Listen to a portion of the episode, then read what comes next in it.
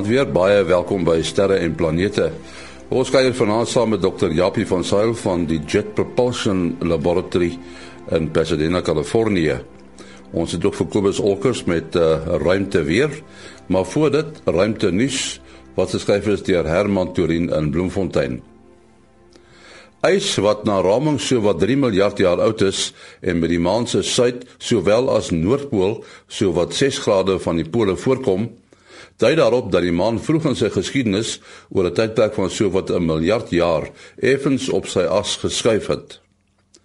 Sou 'n lyn van die een ysveld na die ander deur die maan getrek word, sny dit presies deur die middel van die maan, lei 'n artikel wat pas in Nature verskyn het.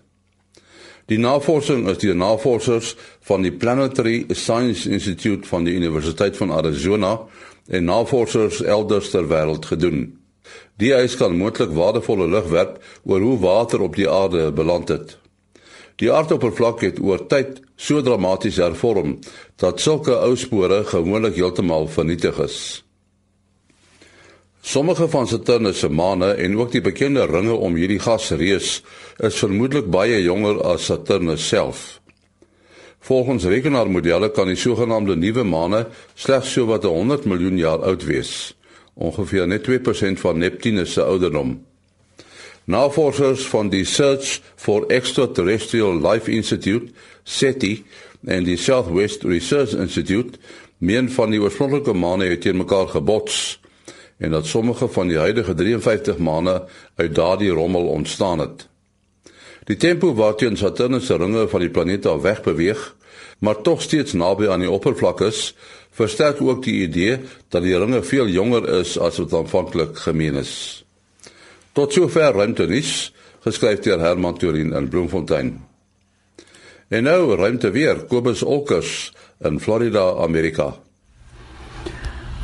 Ja, ons het nou 'n redelike besige week gehad met hierdie koronagate wat in wat na ons kant toe gewys het. Pragtige auroras was daar op die by die in die poolgebiede gewees. Ek het 'n paar foto's gesien wat mens sommer pragtig die magneetveld van die aarde kan sien. Maar nou ja, hierdie week is dit so bietjie stiller. Ons het een aktiewe area op die son, maar hy's baie stabiel. Dis 'n dis 'n dipool. Ja, hy's nog glad nie kompleks nie. Dit lyk of nie is ook nie eintlik asof hy kompleks kan word nie. So die kanse vir koronamassa uitbarstings hierdie week is baie skraal. Behalwe as ons nou kyk na die filamente.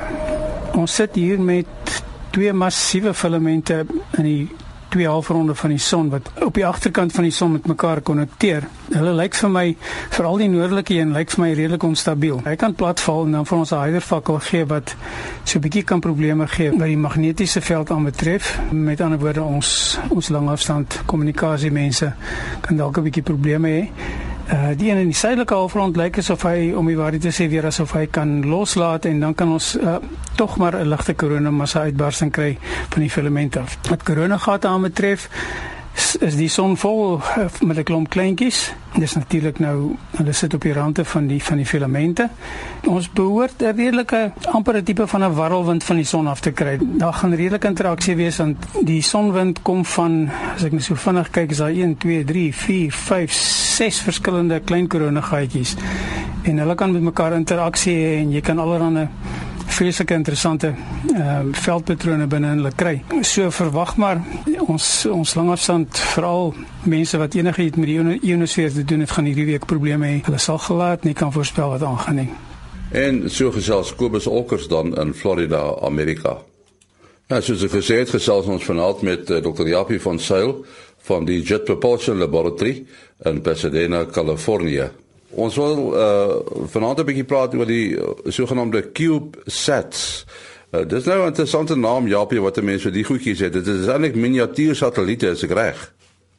Dis reg, die uh die basiese grootte van die sogenaamde CubeSats wat hulle noem, hulle word in die uh sogenaamde U groottes gemaak. Die 1 U uh, CubeSat is uh 10 cm by 10 cm by 10 cm. So dit is regtig 'n baie klein satelliet.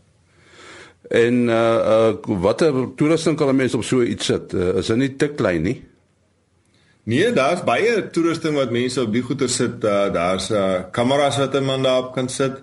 En hierdie goedjies het selfs hulle al die die maniere waarop die groot satelliete hulle self beheer met re, sogenaamde reaction wheels en so aan die die bou verskeie plekke insluitende klompie plekke in Suid-Afrika bou van hierdie klein satelliete en die die onderdele sal ek maar sê vir hierdie klein satelliete.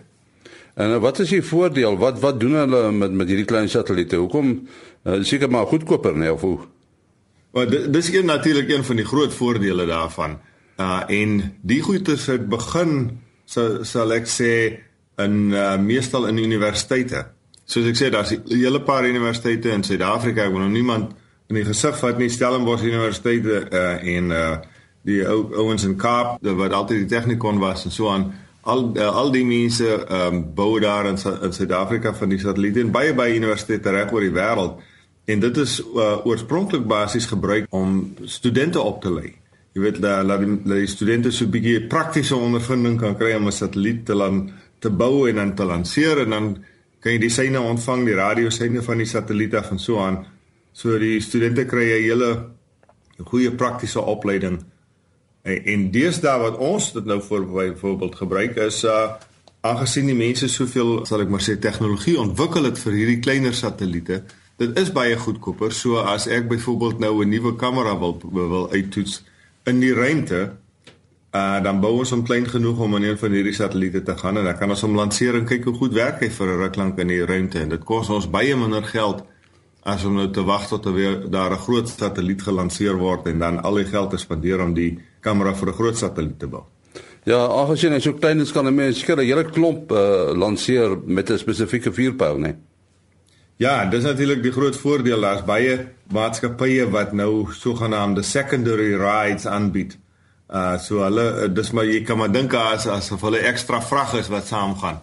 En dan word hulle nou maar net uitgegooi en daar's ook 'n maatskappy wat die goedjies uit die ehm um, internasionale ruimtestasie uit uh, lanseer. So word hulle nou 'n lot van hulle daar opgevat en dan word hulle daarvan af net soos van uitgespoeg sal ek maar sê uit die uit die ruimtestasie uit. Maar die hele probleem van ruimte rommel, daar's nou 'n hele klomp ekstra klein goedjies wat daar is. Uh skep dit nie nog 'n groter probleem met uh oorbevolking van satelliete nie. Ja, dis natuurlik nou 'n uh, die groot nadeel van die goedjies want baie van hulle word gelanseer. Nou gelukkig is hulle klein genoeg dat as hulle terugkom deur ons atmosfeer dan sal hulle uitbrand. Maar terwyl hulle nou nog daarbo is, is hulle natuurlik nou uh in die pad uh van ander satelliete en so aan potensieel. Uh om waarheid te sê net hierdie afgelope naweek het is daar 'n uh, Japaneese satelliet wat skielik um doodgegaan het, sal ek maar sê. Daar word nou nog bespiegel wat het werklik gebeur en een van die teorieë is dat hy dalk in iets vasgevlieg het wat wat uh, uh ruimterommel vasgevlieg het. Ek dink nou aan die Mars sendinge byvoorbeeld. Sou dit nuttig wees om byvoorbeeld 'n uh, so 'n CubeSat in 'n in 'n baan om Mars te sit, sou daar 'n voordeel aan wees. Uh ja, my waarheid te sê, ons het twee van hulle gelanseer uh, gebou. Ons nog nie gelanseer nie. Ons het twee van hulle gebou. Hulle word Marco genoem, soos Marco Polo. Hulle is nou so klein bietjie groter. Hulle is so uh, uh 30 cm by 20 cm by 10 cm. So dis nog steeds 'n baie klein satelliet. En hulle word gelanseer saam met een van ons uh 'n Mars-sendings wat oorspronklik hierdie jaar in Maart moes gelanseer word, maar hy sal nou in 2018 gelanseer word. Dan gaan hierdie twee kleintjies saam met hom vlieg. So eentjie agter die groot satelliet. Nou die satelliet gaan land op Mars. Dis net 'n lander, is nie 'n rover wat gaan rondry nie. Maar terwyl hy nou deur die atmosfeer van Mars ingaan, gaan hierdie twee klein satelliete net in die regte plek wees dat ons die syne van die uh, kapsule wat in die atmosfeer ingaan kan ontvang met hierdie twee klein satellietjies en dan en dan terugstuur na die aarde toe. Uh dit is met die wat die mense nou die die kameras en sal ek maar sê wetenskaplike instrumente word nou uh, baie van hulle word nou klein genoeg dat mense hulle in hierdie soort van grootte, miskien nie die 10 cm by 10 cm by 10 cm nie, maar so in die omgewing van 30 cm by 20 cm en 10 kan jy daal begin dink om om wetenskaplike instrumente te uh, in te sit. En ek kan sien dat hulle in die toekoms om plekke soos Mars, miskien na die maane van Mars, Phobos en Deimos toe te gaan en so aan. Uh en met hierdie klein satellietjies staan toe te gaan. En soos ek sê, dit kos net 'n uh, baie minder geld. Uh, hierdie goeder kos maar 'n paar miljoen dollar totaal om te bou en te lanseer en toe en en toe hierdie syne en goeters jy weet die hele tyd vir hulle hou en so aan. Hoekom is metaan uh so belangrik uh, in ruimtenavorsing? Ek dink julle werk mos nou aan gesofistikeerde sogenaamde metaangassensors, nee. Ja, dit is waar. Laat ek so sê, op aarde die grootste bron, omtrent die enigste bron wat ons van weet van metaangas is biologiese aktiwiteit. Koeie is natuurlik 'n groot bron van metaangas op die aarde en en enige biologiese materiaal wat besig is om af te breek uh, gee vir ons metaangas op op aarde. Wat ons nou graag wil kyk is uh kry mens metaangas op ander plekke. Die Curiosity rover het, het so 'n um, metaangas sensor op en hy het hierdie interessante fluktuasies in metaangas in Gale Crater op Mars gemeet waar hy waar die metaangas oor kort termyn 'n paar weke tot 'n maand kan die metaangas vlakke 4 5 maal so hoog raak as wat dit normaalweg is en dan verdwyn dit weer. En die groot vraag is nou natuurlik nou waar kom daardie metaangas vandaan? Een van die moontlike verklaringe daarvoor is natuurlik dat daar 'n mikroorganismes onder die grond op Mars is wat metaangas vrystel. Dit kan ook wees dat die metaangas in die in die rotse en klippe en so aan vasgevang is en dit so nou en dan vrygelaat word. Metaan is nie 'n gas wat baie jare by homself kan voortbestaan nie. So dit is onlangs moes die metaan uh, gas vrygelaat wees wat wat ons die sal ek maar sê die die, die pieke van die van die gas meet. So dit is maar omdat dit moontlik 'n 'n aanduiding van biologiese aktiwiteit is wat mense so geïnteresseerd is in metaangas. En dan julle Jason 3 uh, satelliet wat die die oseane eh, karteer en so aan. Hy hy sien ons nou ook die El Niño. Wat sê hy op die oomblik van El Niño is is, is eh, die ding gestabiliseer? Ja, dit lyk asof uh, die uh, El Niño sein weer besig is om op te breek. Dit is maar 'n 'n siklus wat die ding volg, volg natuurlik. Ons het gesien hoe die die uh, warm water van die uh, Japaneese kant van die Stille Oseaan oorbeweeg na die Amerikaanse kant toe 'n groot poel hier gevorm het. En uh, as die teorie reg werk dan moet die poel nou in twee opbreek, een noord van die uh, ewenaar teruggaan en een suid van die ewenaar teruggaan. En dit lyk asof hy nou in hierdie twee poele begin opbreek en dan een een of ander tyd in die in die nabye toekoms behoort dit dan nou terug te skuif en uh terug te gaan oor die Stille Oseaan na Jap Japanse kant toe. Is is daar 'n moontlikheid dat daar 'n sogenaamde La Nina kan ontstaan? Ja, dis altyd 'n dis dat natuurlik altyd 'n ehm, moontlikheid. Die dis die twee ehm um, sal ek maar sê die twee uiterstes van die sogenaamde siklus wat wat in die Stille Oseaan voorkom. Uh El Niño is die warm water wat aan ons kant is en La Niña is wanneer daar baie meer koue water aan ons kant is. Jy nou weet ons het nou al ongeveer 23 jaar wat ons nou al hierdie metings doen. En elke slag as ons dink ons, ons verstaan die storie dan kom daar weer 'n jaar wat vir ons wys dat ons dit nie so goed verstaan nie. Hierdie was nou een van hulle volgens ons vorige ondervindings moes uh, ons hier in Suidelike Kalifornië weggespoel het hierdie jaar en ons het nog steeds ondergemiddeld reën gekry. So ek is maar baie versigtig om voorspellings te maak omtrent hierdie goed. Japie, jy jy's nou die uh, adjungo van innovasie en strategie daar by JPL. Beteken dit dat julle 'n nuwe goed moet uitdink en uh, as as dit so is, uh, hoe maak julle as julle nou 'n nuwe plan het? Wat is die paadjie wat uh, die plan dan volg om uiteindelik gerealiseer te word? Man, Henny, dit is maar basies dieselfde paadjie wat 'n mens vorm as jy 'n uh, uh, sal ek maar sê 'n nuwe maatskappy begin. Alles begin met 'n idee. Uh ek sou 'n voorbeeld gee net gister toe ek nou 'n bietjie gaan draf het, toe kry ek nou hierdie idee.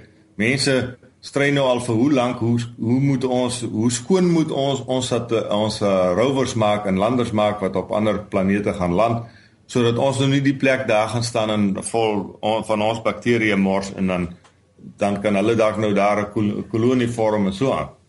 Almal stry daaroor maar ons weet nie hoe lank hierdie organismes in die ruimte kan oorleef nie. Nou kom terug nou tot jou vraag omtrent die CubeSats. So toe dink ek Hier by JPL het 'n ou nou die dag vir my gewys. Hulle het 'n mikroskoop gebou wat 'n driedimensionele uh, prent kan uh, jy weet 'n beeld kan neem van 'n klein volume waarin daar uh, lewende organismes is en hy kan vir jou presies wys hoe die goed rond beweeg en so aan. En die hele ding weeg omtrent so 50 gram om te om te bou. En vat net so 'n paar watt van uh, krag. So toe kom ek nog gister met die idee voor 'n dag. Hoekom vat ons nie so 'n uh, klein volume van uh, bakterieë van die aarde en bou dit in so 'n CubeSat in met uh, met so 'n mikroskoop en laat ons die ding hier uitvlieg. Maak seker hy gaan op 'n baan waar hy nêrens anders ter niks gaan vasvlieg nie, sodat ons hom nie goed op 'n ander planeet los nie en ons kyk hoe lank oorleef hulle. Dan kan ons ons mos op te hoe stry want ons kan nou sien hoe lank gaan die goeters vat om om te oorleef in die in die ruimte. So nou moet die, die volgende stap is nou om te gaan sien of 'n ou kan hierdie ehm um, 'n mikroskoop klein genoeg maak en so aan dat ons hom in so 'n CubeSat kan inbou, kan ons hom ehm uh, jy weet sterk genoeg bou dat hy goed net mekaar uit sal val as ons hom lanseer en so aan en dan moet ons dit nou 'n goeie goed genoeg radio kry dat ons kan syne van buite ruimte af terugkry en so aan. So daar's 'n bietjie tegnologie wat ons moet ontwikkel, maar uh, in hierdie geval is ek gelukkig van al die goeders bestaan. 'n Mens behoort dit maklik te kan uh, in die hande kry en dan uh, die ding te kan lanseer binne 'n paar paar jaar, maar dit is maar basies hoe dit gaan. Jy begin met 'n idee, dan moet ons tegnologie ontwikkel en dan op die ouend moet ons natuurlik na NASA toe gaan en hulle oortuig dat dit 'n goeie idee is om te doen en uh, dit uh, dit 'n goeie idee is vir hulle om geld daarop te spandeer. Want alles wat ons hier doen word deur iemand ge, sal ek maar sê gesponsor, jy weet. Is die geld dan by NASA of is die geld by die regering? Uh NASA is maar basies uh, is een van die departemente van die regering wat geld gee. Dit is by amper soos uh die meeste regerings het 'n science and technology uh ministry of seeds. Uh NASA is is in uh, in daardie sin een van die uh departemente van die regering. So NASA se begroting elke jaar is 18 miljard dollar. En van die 18 miljard kry ons dan so ongeveer 1/10de uh van die geld hier by JPL. Want en ons wen dit natuurlik deur kompetisies. Ja, en en dan uh, natuurlik uh, as dit goedgekeur word, uh, beteken dit dat JPL dit ontwikkel of gee julle dit dalk ook uit? Ons gee so ongeveer 60% van die geld wat ons, sou ek maar sê, wen word deur ander ouens gespandeer. So ons koop goed by ander mense. As ons um, rol in NASA is om nuwe goed te doen. So as as ons nou 'n ehm um, onderdele nodig het of miskien 'n satelliet nodig het wat iemand anders alreeds kan bou, dan koop ons die satelliet by hulle. Ja, ons bou natuurlik die goed wat ander mense nie kan bou nie. En dan het ons 'n baie sterk program hier by JPL wat enige tegnologie wat ons ontwikkel, uh dra ons dan uit aan die Amerikaanse industrie. So ons is uh, basies nie 'n plek wat uh, profit probeer maak nie. Ons ontwikkel nuwe tegnologie en gee dit vir die Amerikaanse industrie dan. En natuurlik dan uh, daar's uh, tydsverloop met hierdie goed nê. Want jy weet sê oor 'n paar jaar, dit kan op tot 20 jaar wees. Ja, soms kan dit baie lank vat vir goederes om in die uh, om in die uh, sou ek maar sê in die publiek se hande te verskyn. Maar as dit byvoorbeeld uh, vir jou idee te gee die die selfoonkameras wat ons nou almal deesdae het, daardie kamera is oorspronklik by JPL uh, ontwerp en ontwikkel en en uh, word nou natuurlik in alle selfone oor die wêreld uh, gebruik. En die een het nou so ongeveer as ek reg onthou het ons hom laat in die 1980s het ons hom ontwikkel. So hy dan uit ongeveer so 20 jaar gevat voordat hy nou werklik uh, sal ek maar sê algemeen beskikbaar is. Goed, uh, Japie, jou besonderhede?